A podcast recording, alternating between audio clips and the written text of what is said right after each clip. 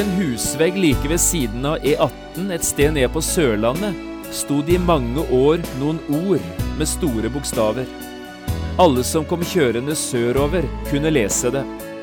Vil du til himmelen, må du gå veien som fører dit. Egentlig er det akkurat det samme det Jesus selv sa en gang. Jeg er veien, sannheten og livet. Ingen kommer til Faderen uten ved meg.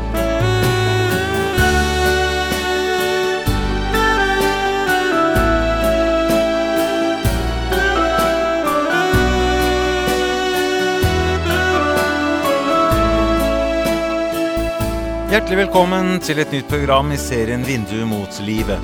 Programmet er produsert av Kristen Riksradio og blir ledet av Jon Hardang. Kristen Riksradio drives av frivillige gaver. Vi er glade for din støtte.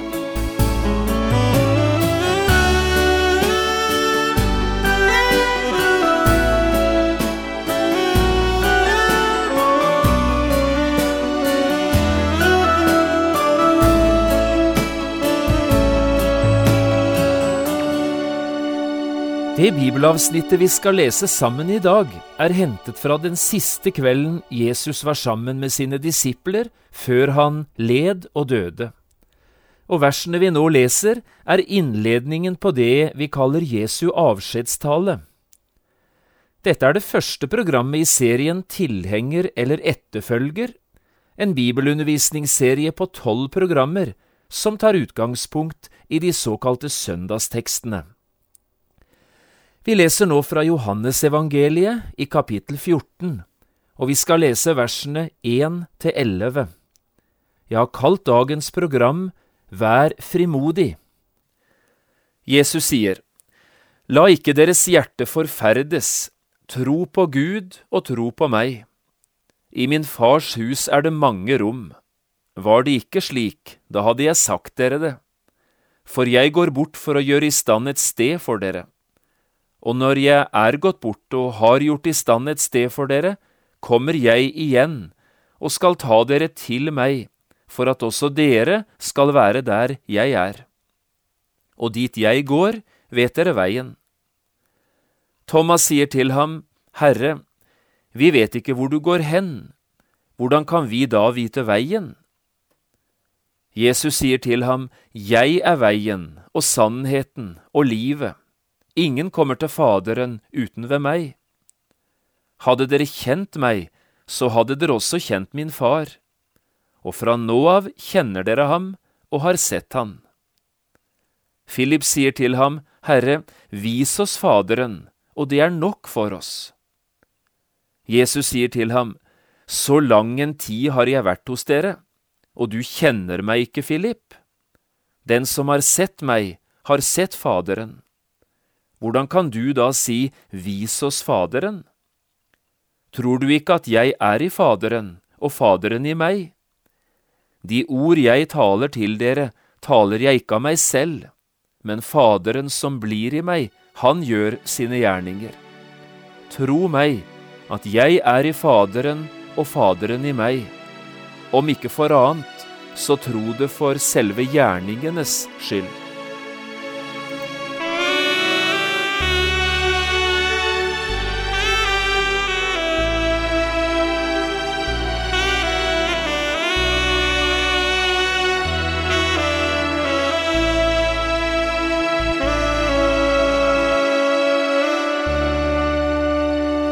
Det hender en gang iblant at en avisoverskrift kan brenne seg fast i oss.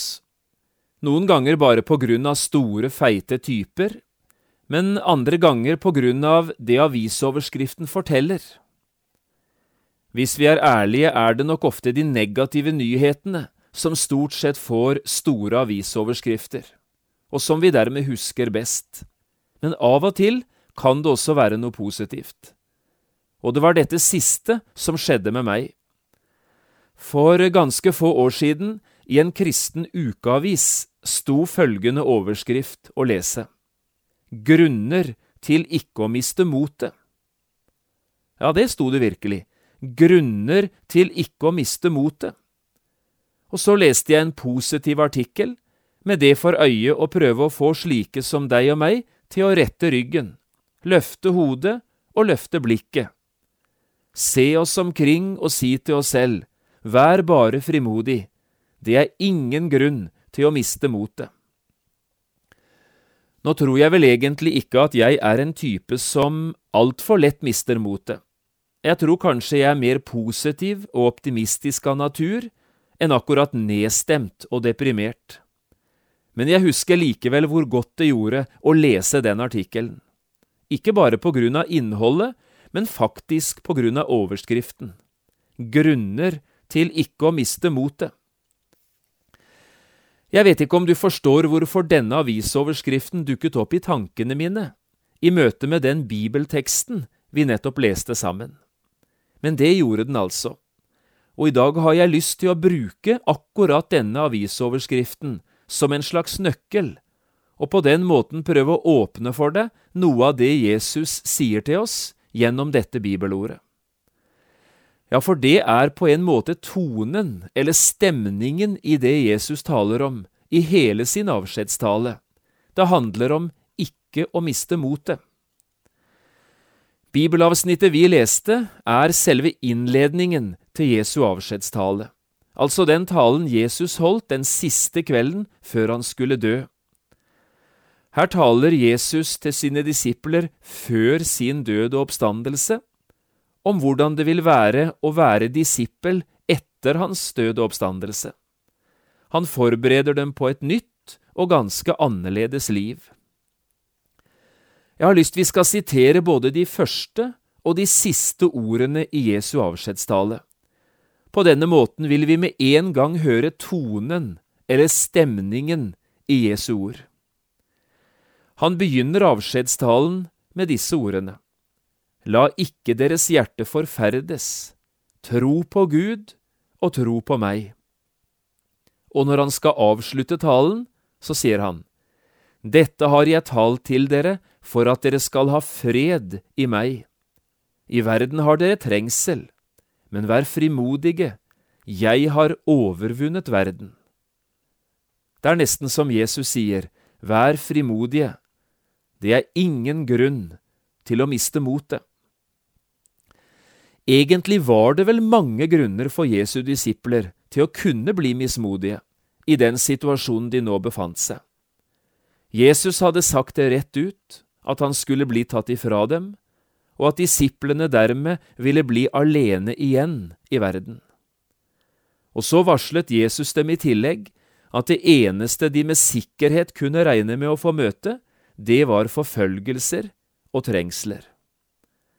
Slikt er jo ikke akkurat til å bli frimodig av. De kunne se på seg selv, på sin egen svakhet, og dermed også sin avhengighet av Jesus. Og så kunne de spørre seg selv, hvordan skal slike som oss kunne overleve i denne verden, sånn som vi er? Vi får jo ikke engang Jesus å kunne støtte oss til. Dette vil aldri komme til å gå bra. Men Jesus sier, jo, det er ingen grunn til å miste motet. Og jeg tror det er lett å tenke også for oss på samme måten som disiplene gjorde. Det er ikke alltid lett å være frimodig, verken når vi ser på oss selv eller på våre omgivelser. Vi ser på oss selv, på vår fortid, på våre svakheter og på våre tilbøyeligheter. Og omkring oss, da ser vi en gudfiendtlig verden og en masse sterke krefter som gjør det vanskelig for oss å leve ut troen på Jesus i hverdagen. Jo da, også nå i dag er det mange grunner, mange gode grunner, til å kunne miste motet. Hvilke grunner er det så Jesus peker på, så vi ikke skal miste motet? I det bibelavsnittet vi har foran oss, tror jeg han peker på tre forskjellige slike grunner tre grunner til ikke å miste motet. Den første grunnen møter oss allerede i det første verset. La oss sitere disse ordene en gang til. La ikke deres hjerte forferdes, tro på Gud og tro på meg. La ikke hjertet bli grepet av angst og uro, står det i en annen oversettelse. Men hva er det nå som kan hjelpe oss, så vårt hjerte ikke blir mismodig og nedstemt. Jo, det er det Jesus sier her. Du skal få tro på Jesus, sette all din lit til Han, akkurat sånn som du er. Du er jo frelst, og frelst, det ble du nettopp ved å tro på Jesus. Det er ingenting som kan gi et menneske fred og trygghet her i verden, som det å få stole på Jesus, leve med Han hver dag og sette sin lit til Han i alle livets forhold. Troen på Jesus er som et ankerfeste og som en rasteplass, et trygt og godt hvilested. Enhver blir salig i sin tro. Slik hører vi av og til noen si det. Og dette er visst et av allmennreligiøsitetens viktigste dogmer. Enhver blir salig i sin tro. Det finnes faktisk noen som tror at dette står i Bibelen. Jeg hørte en gang om en teologistudent som en gang kom til sin professor og spurte, Professor, hvor i Bibelen er det det står enhver blir salig i sin tro? Jo, svarte professoren, det står i Johannesevangeliet i kapittel 22 og vers 14. Tusen takk, svarte studenten. Men dagen etter kom han tilbake til professoren og sa, Men professor, det er jo bare 21 kapitler i Johannes evangeliet. Professoren så på han med et lunt smil og sier, Vel, sier ikke det deg noe? Nei, det står ikke i Bibelen at enhver blir salig i sin tro. Det avgjørende er ikke at vi har en tro, det avgjørende er hva vi tror på. Og nettopp her er Jesu ord så fine. For vet du hva det egentlig står? Tro på Gud ved å tro på meg, eller tro på Gud troende på meg, hvis vi hadde oversatt det helt ordrett. Tanken er altså denne. Det er ved å tro på Jesus at du virkelig tror på Gud. Sier du at du tror på Gud uten å ville ha med Jesus å gjøre, ja, da tror du ikke på Gud i det hele tatt. Det er det Jesus sier her. Vi kan altså ikke ha ett forhold til Gud og så et helt annet forhold til Jesus. Slik forholdet til Jesus er, slik er også forholdet til Gud. Men nå kjenner du Jesus, gjør du ikke, du som hører på programmet vårt i dag? Det er jo Jesus du har satt din lit til. Det er han du stoler på i frelsesspørsmålet, og det er i hans hender du har lagt hele ditt liv. Ja, men da er det ingen grunn til å miste motet. Da er du trygg. Du er mye tryggere enn en tikroning i et bankhvelv. Litt lenger ned i dette bibelavsnittet er det gjengitt en samtale mellom Jesus og Philip, og det er akkurat dette det handler om. Philip sier til Jesus, Herre, vis oss Faderen, og det er nok for oss. Jesus sier til han, Så lang en tid har jeg vært hos dere, og du kjenner meg ikke, Philip? Den som har sett meg, har sett Faderen. Hvordan kan du da si Vis oss Faderen? Tror du ikke at jeg er i Faderen, og Faderen i meg? Slik sto det her i vers åtte til ti. Dette er nøyaktig samme sak. Den som har sett Jesus, han har sett Gud. Den som tror på Jesus, han tror på Gud. Den andre grunnen Jesus tar fram, en grunn til ikke å miste motet, det er denne. Du skal være aldeles trygg med tanke på framtiden, for Jesus har gitt deg et stort og herlig mål for ditt liv. La oss sitere noen av Jesu ord en gang til. Jeg tror ikke vi kan si det eller forklare det på noen bedre måte enn det Jesus selv her sier. I min fars hus er det mange rom, sier han. Var det ikke slik, da hadde jeg sagt dere det. For jeg går bort for å gjøre i stand et sted for dere. Og når jeg er gått bort og har gjort i stand et sted for dere, kommer jeg igjen og skal ta dere til meg for at også dere skal være der jeg er. Kan det sies på en finere måte? Kan du være tryggere enn det du er? du som har satt din lit til Jesus? Her sier jo Jesus, du har fått et stort og herlig mål for ditt liv. La oss understreke et par ting. I min fars hus er det mange rom, sa Jesus. Hva mente han med det? Jeg tror ganske enkelt Jesus mente, det er rom for alle hos min far. Det er plass til alle hos Gud.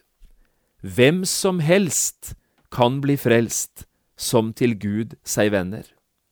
Det er mange rom, og det er plass til alle. Men det er altså bare rom for den som vil ha med Jesus å gjøre. Det er dem Jesus gjør i stand et sted for, og det er dem han sier til, Jeg vil komme og hente dere hjem til min fars hus når rommene er ferdig, dere som tror på Jesus. I himmelen er det ikke egne rom for lutheranere og egne rom for metodister og egne rom for pinsevenner. Slike oppdelinger trenger vi sikkert i denne verden. I himmelen er det bare rom for alle Guds barn, hvem de enn er, og hvor de enn har hørt til her i verden. Så lenge de bare tror på Jesus og har tatt sin tilflukt av Han, så er saken klar. Det venter et rom hjemme i himmelen hos Gud. Når jeg er gått bort og har gjort i stand et sted for dere, kommer jeg igjen, sier Jesus, og skal ta dere til meg, for at også dere skal være der jeg er. Hva mente han med de ordene? Når og på hvilken måte kommer Jesus igjen? Ja, her tror jeg vi skal tenke i to retninger. For det første tror jeg vi skal tenke på døden, og for det andre på Jesu gjenkomst. I begge disse to situasjonene er det Jesus som kommer, for å ta oss til seg. Det er et litt spesielt og et kjempefint ord Jesus her bruker for å ta. Ordet er satt sammen av to mindre ord. Først preposisjonen ved siden av, og så verbet å gripe eller å ta. Det betyr altså konkret, når du som tror på Jesus en dag skal dø, da er det Jesus som kommer. Han kommer for å gå ved siden av deg, og for på denne måten å ta deg hjem til Gud. Å dø er altså ikke å gå bort, det er å komme hjem. Døden er ikke en bortgang, men det er en hjemreise. Og når Jesus kommer for å hente sine i sin gjenkomst, når den legemlige oppstandelsen skal finne sted, også da er det Jesus igjen som kommer. Igjen vil han gå ved siden av oss og føre oss i triumfferd hjem til sin fars hus, inn for sin fars trone.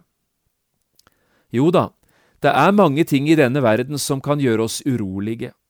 Det finnes en del ting som gjør fremtiden utrygg eller usikker for oss.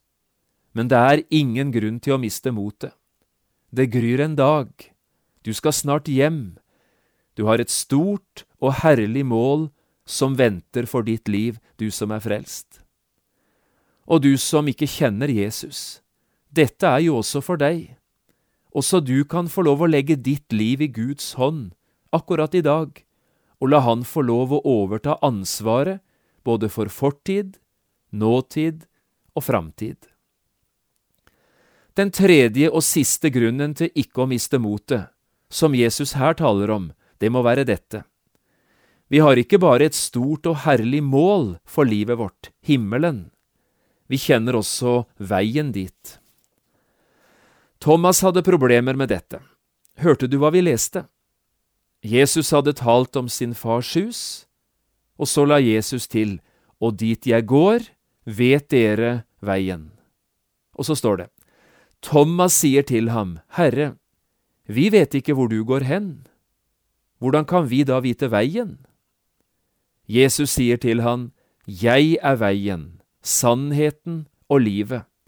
Ingen kommer til Faderen uten ved meg.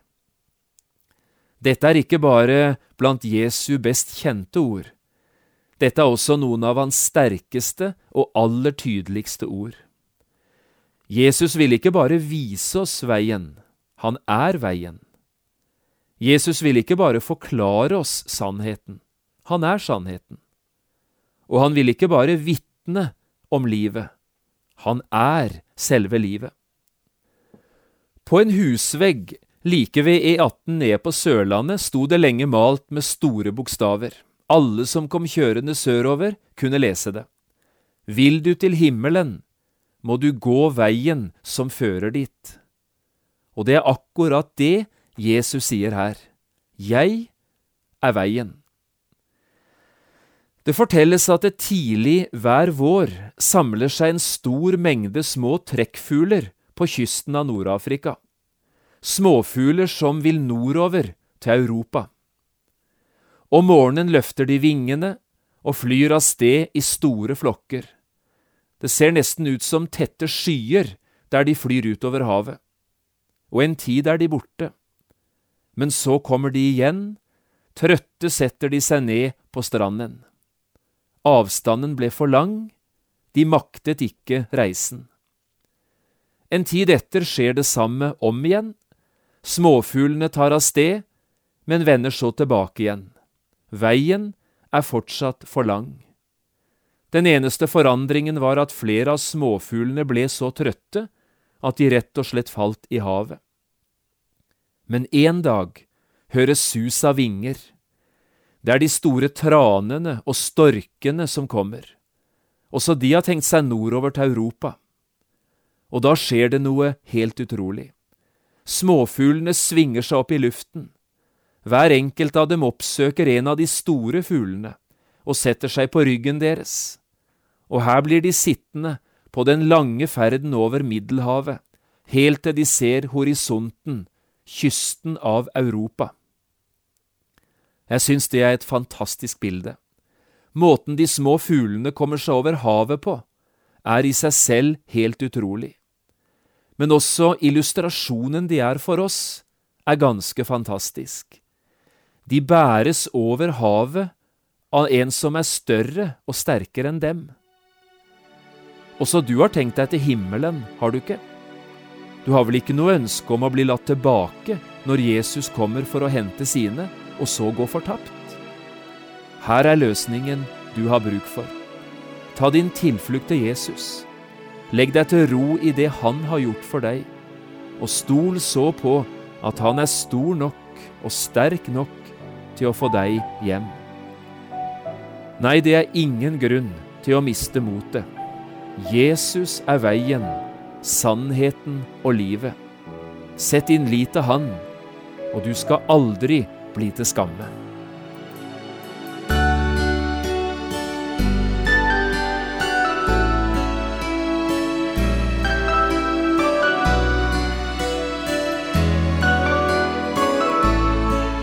Du har hørt på et program fra serien Vindu mot livet med John Hardang. Programmer i denne serien kan også kjøpes på CD fra P7 Kristen Riksradio, eller høres på internett på p7.no. Har du spørsmål eller kommentarer til det du nå har hørt, kan du ta kontakt med oss på telefon. Da bruker du telefonnummer 56 32 17 01. Du kan også sende oss en e-post. Adressen er vml.krøllalfa.p7.no. Takk for i dag, og på gjenhør.